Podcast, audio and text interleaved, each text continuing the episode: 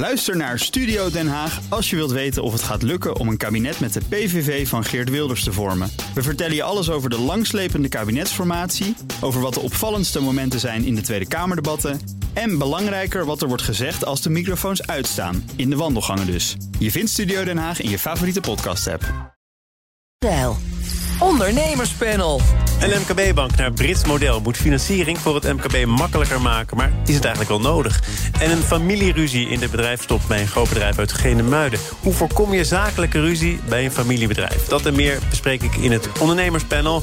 En daarin zitten Monique Ansink van Jumbo Spanbandfabrikant en van All Day Nuts. En Alinda Wit, oprichter-eigenaar van Love Every Nederland. Fijn dat jullie er zijn. Dank je. Dank je wel. Met uiteraard ook aandacht voor jullie eigen nieuws. Monique, wat is dat? Ja, ik had eigenlijk twee nieuwsberichten. Het eerste is dat we natuurlijk allemaal nog kampen met eigenlijk alle factoren in de economie die ingewikkeld zijn. Te weinig grondstoffen, te dure grondstoffen, te dure transporten, inflatie, te tekort personeel. Dat is een hele En ook nog een oorlog. Ja, dus dat is nog steeds een hot topic voor alle ondernemers en ook voor ons. Maar ik wilde ook nog wat positiefs brengen. En vanochtend kreeg ik foto's vanuit eh, Vietnam. Daar was een beurs en daar staat ons hele team, ons Vietnamese team, waar dan ook de spanbanden gemaakt worden. Staan ze daar met eh, oranje Nederlandse shirtjes aan. En dat, nou, dat maakte mij wel weer super trots. Heb je dan meteen het idee dat je er eigenlijk naartoe moet? Eigenlijk wel. Nou, we konden er niet naartoe tot. eh, we zijn twee. Ik ben zelf twee jaar, ruim twee jaar niet geweest in Vietnam. Vanaf 15 maart zijn de grenzen weer open voor ons.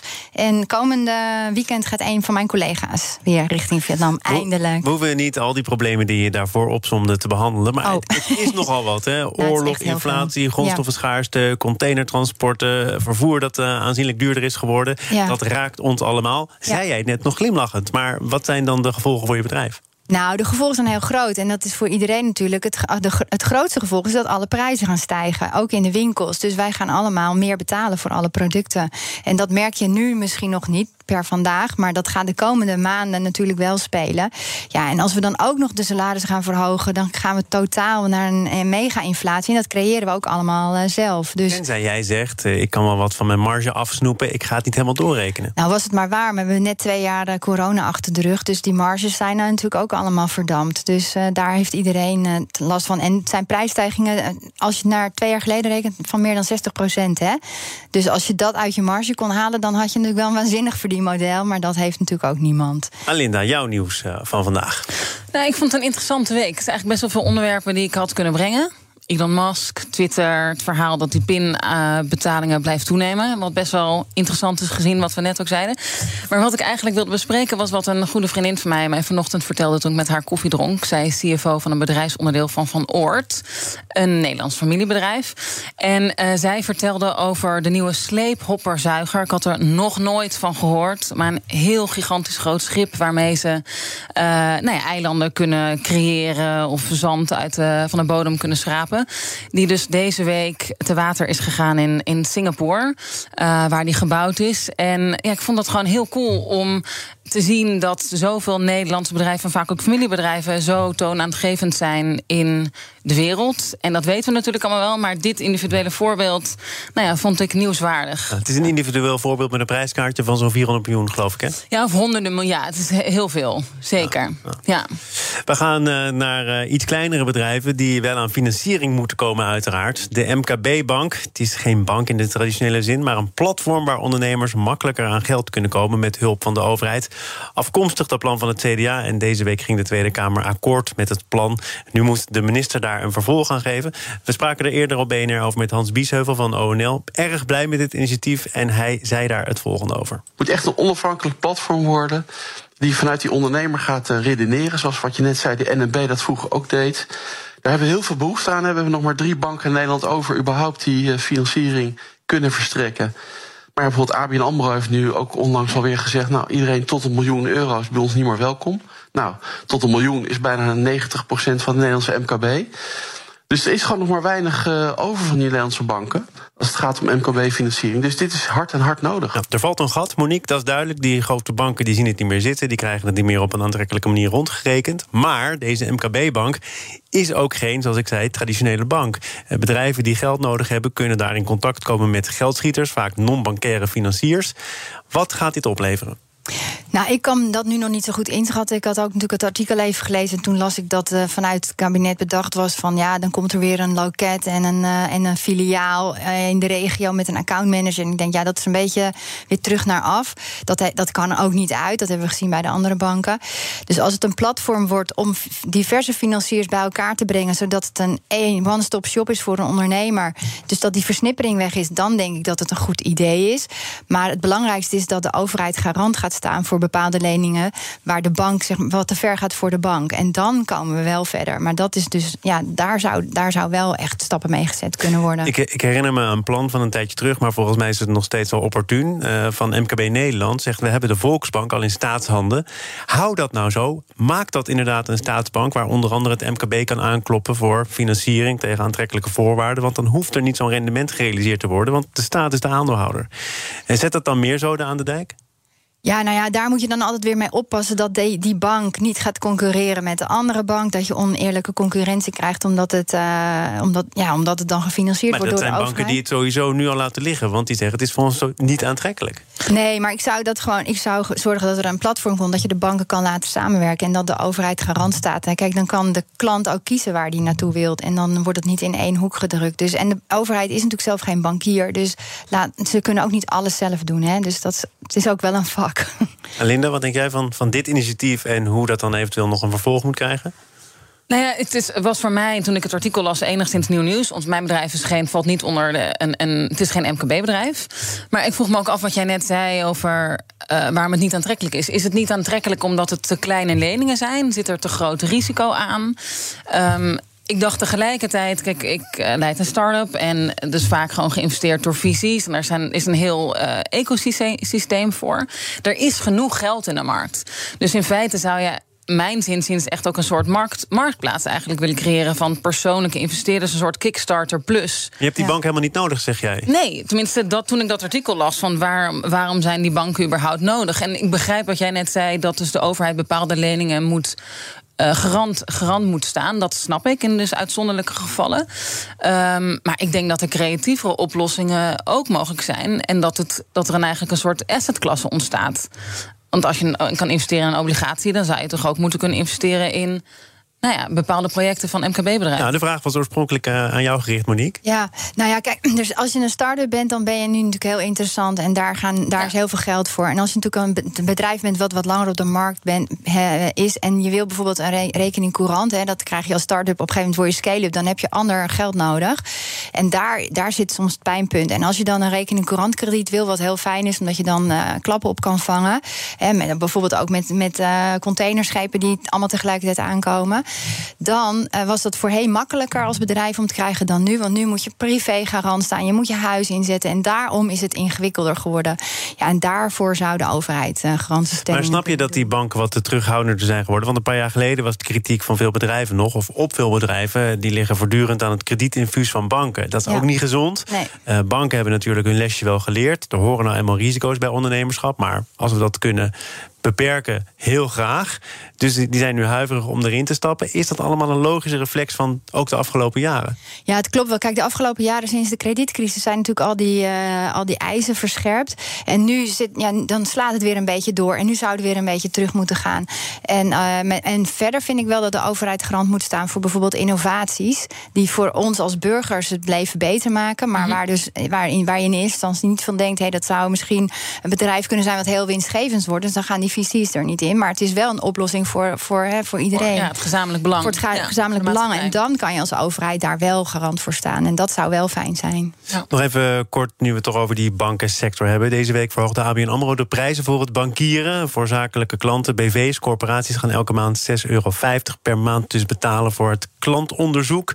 En buitenlandse bedrijven betalen daar 20 euro voor. ABN AMRO zegt er zelf een paar uh, verklaringen voor te hebben. Namelijk, ze moeten blijven investeren in nieuwe betaalmethodes. Maar toch ook zeker het klantenonderzoek, het voorkomen van witwas, het financieren van terrorisme. Alles wat we al een paar maanden zeker jaren al voorbij horen komen. Het speelt ook een rol. Uh, en als je dan nog in een sector actief bent die daar gevoeliger voor is, nou, dan kan de prijs ook nog weer verder oplopen. Is dat verklaarbaar of niet? Ik denk dat het verklaarbaar is, maar ik ben zelf klant bij ABN AMRO... en ik, ergens schrok ik van het percentage. Ik betaal nu volgens mij 1,95 per maand en het gaat naar 2,95. Dus het is gewoon een percentage van een groei van 50 procent. Um, ja, dat vond ik nogal wat. Zo van, dit hadden ze langzaam ook toelen kunnen laten nemen. Dus, ik, nou ja, ik denk dat mijn klanten, als ik mijn maandbedrag uh, van nu rond de 40 euro, hup in één keer naar 60 euro laat toenemen. Oké, okay, maar dat die vraag kan ik nu ook aan jou stellen. Ja. Want blijf jij dan bij ABN Amro of niet? Nou, ik ben over het algemeen heel tevreden over uh, mijn bank. Maar uh, het zal, is in dit geval niet een reden zijn om te verplaatsen. Maar ik vind het wel. ik vind het geen dus goed ondernemerschap van hen. Doen, als je ja. toch blijft. ja, daarom. Ja, en dat is dus het lastige van deze markt. ABN AMRO is natuurlijk een commerciële bank. En ze hebben natuurlijk gekeken naar de tarieven in de markt. Er zit ook nog wel een staatsbelang in, hoor. Ja, een beetje wel. maar goed, eh, je kan kijken... oké, vorig jaar, wat hadden ze voor winst? 1,2 eh, miljard of zo. Uh, dus is het dan echt nodig? Aan de andere kant, hun tarieven lagen best laag in de markt... dus ze hebben het gewoon een beetje opgetrokken naar het gemiddelde. Maar dat know your customer verhaal waar je het net over had... Hè, wit, witwassen, daarop letten... ja, dat is wel een enorme kostenpost voor de banken. En dan daar is de vraag van, hoort dat wel bij de banken thuis? Of is dat meer iets voor de overheid? En daar ben ik het niet mee eens, dat het allemaal bij de banken ligt.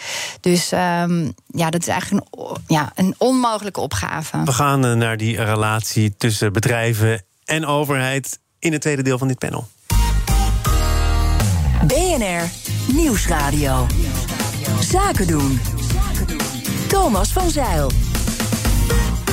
Het ondernemerspanel is de gast. Monique Ansink, Alinda Wit. Wij gaan praten over familiebedrijven. De voorzitter van MKB Nederland sprak eerder deze week... bij de uitreiking van de Familiebedrijven Awards. En hij pleitte daarvoor een stabieler economisch beleid. En hij vindt dat de overheid de afspraken met ondernemers... strikter moet nakomen. Het is niet de eerste keer dat hij uh, soortgelijke woorden gebruikt. Alinda, uh, hebben MKB'ers, familiebedrijven... last van een wispelturige overheid op dit moment? Uh, ik vond het echt een heel lastig onderwerp. Toen ik het voor, omdat ik er zelf weinig. Um, ik weet er eigenlijk te weinig van. Ik heb het te weinig zelf ervaren. Um, is misschien toch ook een signaal. Als ja. jij zegt, ik kan hier prima ondernemen. Ja. Ik kan ook rekenen op de overheid daar waar nodig. Ja. Dan en het, is in mijn geval, dus voor in, in, het stadium waarin mijn bedrijf zich bevindt, is dus de overheid een support.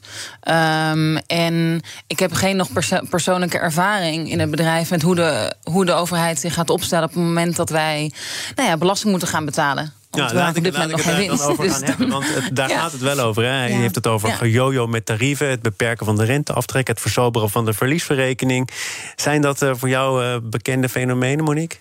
Nou, wat je wel ziet is dat, je, dat we natuurlijk wel een zwabberend beleid hebben. Daar ben ik het wel helemaal mee eens. En als je dan nu de krant openslaat, staat er ook... ja, de rekening gaat weer naar de bedrijven. We gaan uh, de, de belastingen verhogen voor dat bedrijven. Dat noem ik ook wel een knap staaltje lobby... want er wordt voorlopig nog geen enkele rekening neergelegd. Natuurlijk. Nee, maar ik bedoel, als je dat leest morgens... en je, ga, wil, je was eigenlijk vrolijk opgestaan... en je wil naar je werk gaan en je leest dat... denk je, ja, wat hangt er ons allemaal boven het hoofd? En wat betreft de familiebedrijven...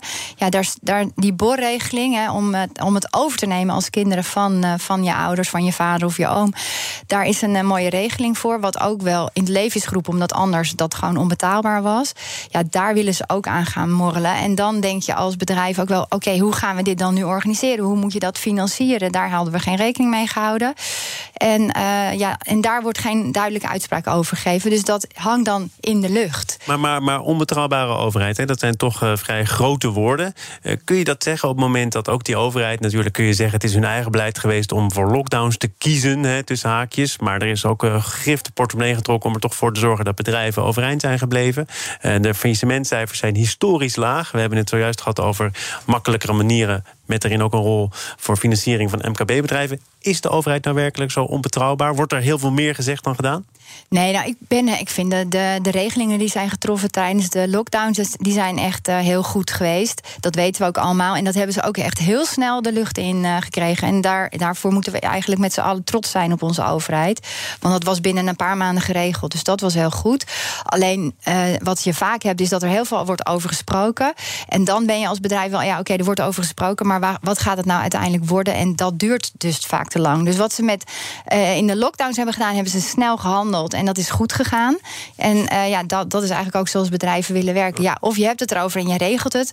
En hebt het er anders niet over. Maar ga niet zoveel onrust veroorzaken. Maar dat zijn uh, natuurlijk acute situaties waarin je dan ook acuut moet optreden. Ja. Vonhoff heeft het ook over de toekomst, over grote investeringsopgaven die te maken hebben met de verduurzaming van Nederland, innovatieve karakter van bedrijven, ook van familiebedrijven, het opleiden van mensen. En stelt hij vast, op dit moment is de situatie economisch zo onzeker. Misschien niet valt alles toe te schrijven aan de overheid, maar bedrijven zullen wat dat betreft, ook al is het hartstikke hard nodig, op de rem trappen, omdat ze het gewoon niet aandurven. Ja.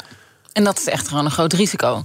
En dat, als we het hebben over die MKB-leningen, dat die overheid zou moeten supporten, vind ik dat ook juist echt uh, areas waar dus de overheid. Uh, ondernemers zou moeten ondersteunen op duurzaamheid op de toekomst. Hoe zorgen we ervoor dat we ook nog in 2050 een goed Nederland hebben voor de kinderen die nu geboren worden? En dan moeten we nou ja, vandaag naar handelen. En dan zou je niet willen dat bedrijven vanwege stijgende inflatie, stijgende rentepercentages, investeringen die vandaag gedaan moeten worden en dan zoveel efficiënter zijn. zijn. Jullie dan, zijn jullie daar binnen Love Every ook al terughoudender in geworden? Dat je denkt, nou, we weten niet hoe het zich gaat ontwikkelen, dus we trappen even op de rem? Nee, eigenlijk niet. Maar dat komt ook natuurlijk. Kijk, het is een hele andere situatie. Weet je, het belangrijke, ons abonnementsmodel hebben wij in augustus gelanceerd. Dat is nu alleen nog maar gewoon het over de bühne brengen en groeien. En er is nog on, geen evenaarde potentie. Um, zo mag ik het horen. Ja. Ongeëvenaarde potentie. Volle vertrouwen. Ja. Nee, maar ja, wat maar, ik wil ja. zeggen is, de overheid en bedrijfsleven moeten daarin hand in hand gaan. Weet je, we moeten ook niet als een soort uh, concurrenten van elkaar tegenover elkaar staan. Maar we moeten het samen doen. Dus de dialoog tussen de overheid en het bedrijfsleven zou dan ook nog weer intensiever kunnen. En ze moeten ons meenemen in de ideeën. Dus niet dingen verzinnen en dan over de bühne gooien en dan kijken wat de reacties zijn. Maar neem het bedrijfsleven gewoon mee. Overleg wat het beste is. Laten we het dan over harmonieuze bedrijven hebben. Tot slot. Familiebedrijf Betap. Dat is een Nederlandse tapijtreus, familiebedrijf uit Genemuiden. En de eigenaren, twee broers, die praten niet met elkaar. Is al jaren aan de gang. De rechter moest eraan te pas komen om tot een oplossing te komen. En ik wil jullie de eerste zin uit het FD-artikel niet onthouden. Ze zijn broers, bestuurders en boos op elkaar. De drie B's. Hebben jullie zelf wel eens in een situatie gezeten, misschien niet in familieverband, maar uh, met een compagnon waarvan je dacht: dit is ontspoord, dit komt niet meer goed? Nee, ik zelf nog nooit. Ja. Nou ja, kijk, ja, het is heel. Ja, tuurlijk. Iedereen heeft dat natuurlijk wel eens een keer. Het is, dit is treurig als dat gebeurt. En uh, daar zijn wel oplossingen voor. Uh, Tuurlijk kan je als je compagnon bent, de ene wil uh, links en de ander wil rechts. Dat, gaat, dat is altijd zo. Je bent twee verschillende mensen, dat heb je ook in een ander partnership. Dan moet je proberen het op te lossen. En er zijn wel verschillende manieren voor. En je kan dus dan in mediation bijvoorbeeld gaan. Je kan zorgen van tevoren om te voorkomen als je met z'n tweeën een bedrijf gaat starten of met z'n drieën, dat je statuten, goede statuten maakt in de tijden dat het nog goed is. Ze hebben nu allebei, volgens mij is dat ook wel een belangrijke factor van betekenis, een even groot belang. Ja, dat is, dat, is heel, dat is lastig. 50-50 is lastig. Dus als je dan van tevoren met elkaar gaat bedenken... wat zijn de worst case scenario's... en dat beschrijf je in de statuten wat je in, dat, in die situatie doet... dan kan je het voorkomen. En je kan ook bijvoorbeeld uh, zorgen... dat je een raad van commissarissen in, uh, in ja. dienst neemt... of een raad van advies... die bij uh, padstelling ja, uiteindelijk de doorslaggevende raad stem... van adviezen zijn bij de ondernemerskamer uitgekomen. Ja, dus dan ben je dat stadium al voorbij. Nee, maar zij hebben dat dan waarschijnlijk geen raad van commissarissen... of geen raad van advies... Dus dan kom je in een padstelling. En uiteindelijk, gelukkig, hebben we dan in Nederland de ondernemerskamer... die ervoor zorgt dat het bedrijfsbelang in, uh, in de gaten wordt gehouden. Ja, dat wat, is wel wat er nu bedacht regeling. is, is dat er een... Andere derde bestuurder wordt uh, toegevoegd om ervoor te zorgen dat er in al die verschillende gremia, want het is een hele waaier van BV's en er zit nog een stak boven, een stichting uh, administratiekantoor, dat er een ja. derde bestuurder is die nu kan zeggen: Nou, het is nu 2-1, we gaan deze kant op. Want zij kwamen echt uh, geen meter ja, verder. Dat is een volledige. Dat zo van: Oh, als ik geschorst word, dan hij ook. is dit dan een ingenieuze list om met die derde bestuurder te komen om dit te doorbreken? Ja, ik, ik, het zou, er moet natuurlijk iets gebeuren om het te doorbreken. Maar je zou in feite. Um, en wat je net eerder ook al zei met die raad van commissarissen. En nou ja, goede afspraken maken vanaf het begin over hoe je nou ja, dit soort situaties kunt voorkomen. Ik vraag me af, ik heb het artikel goed gelezen, hoe zij dat beschrijven. Van de ene werkt aan de ene kant van het kantoor en een eigen kamertje. En de andere aan de andere kant van het kantoor een eigen kamertje. En alle werknemers zitten er als een soort. Ja, het zijn alleen maar verliezers. En ja. dat is gewoon verdrietig. Nou dat, is, nou, dat is wel een goede laatste vraag misschien. Deze twee broers die stonden blijkbaar in de quote 500. Het was een florerend bedrijf met een enorme potentie, om jouw woorden te herhalen. Enorme mogelijkheden nog. Hoeveel is het je waard om dit nou, ik zeg niet meteen te gronden te richten, maar toch ervoor te zorgen dat het perspectief voor die onderneming ernstig verandert, omdat je er persoonlijk niet uitkomt met elkaar. Ja, dat is gewoon heel verdrietig. Ja, dat, is gewoon dus heftig. Ze zijn helemaal ingegraven in, in, in, in de loopgraven. En uiteindelijk is het dus goed dat er een ondernemerskamer is in Nederland... die dan uh, ja, dit gaat beslechten. Er komt een derde bij en dat is goed, want dan is het twee tegen één. En ja, daar moet je je bij neerleggen.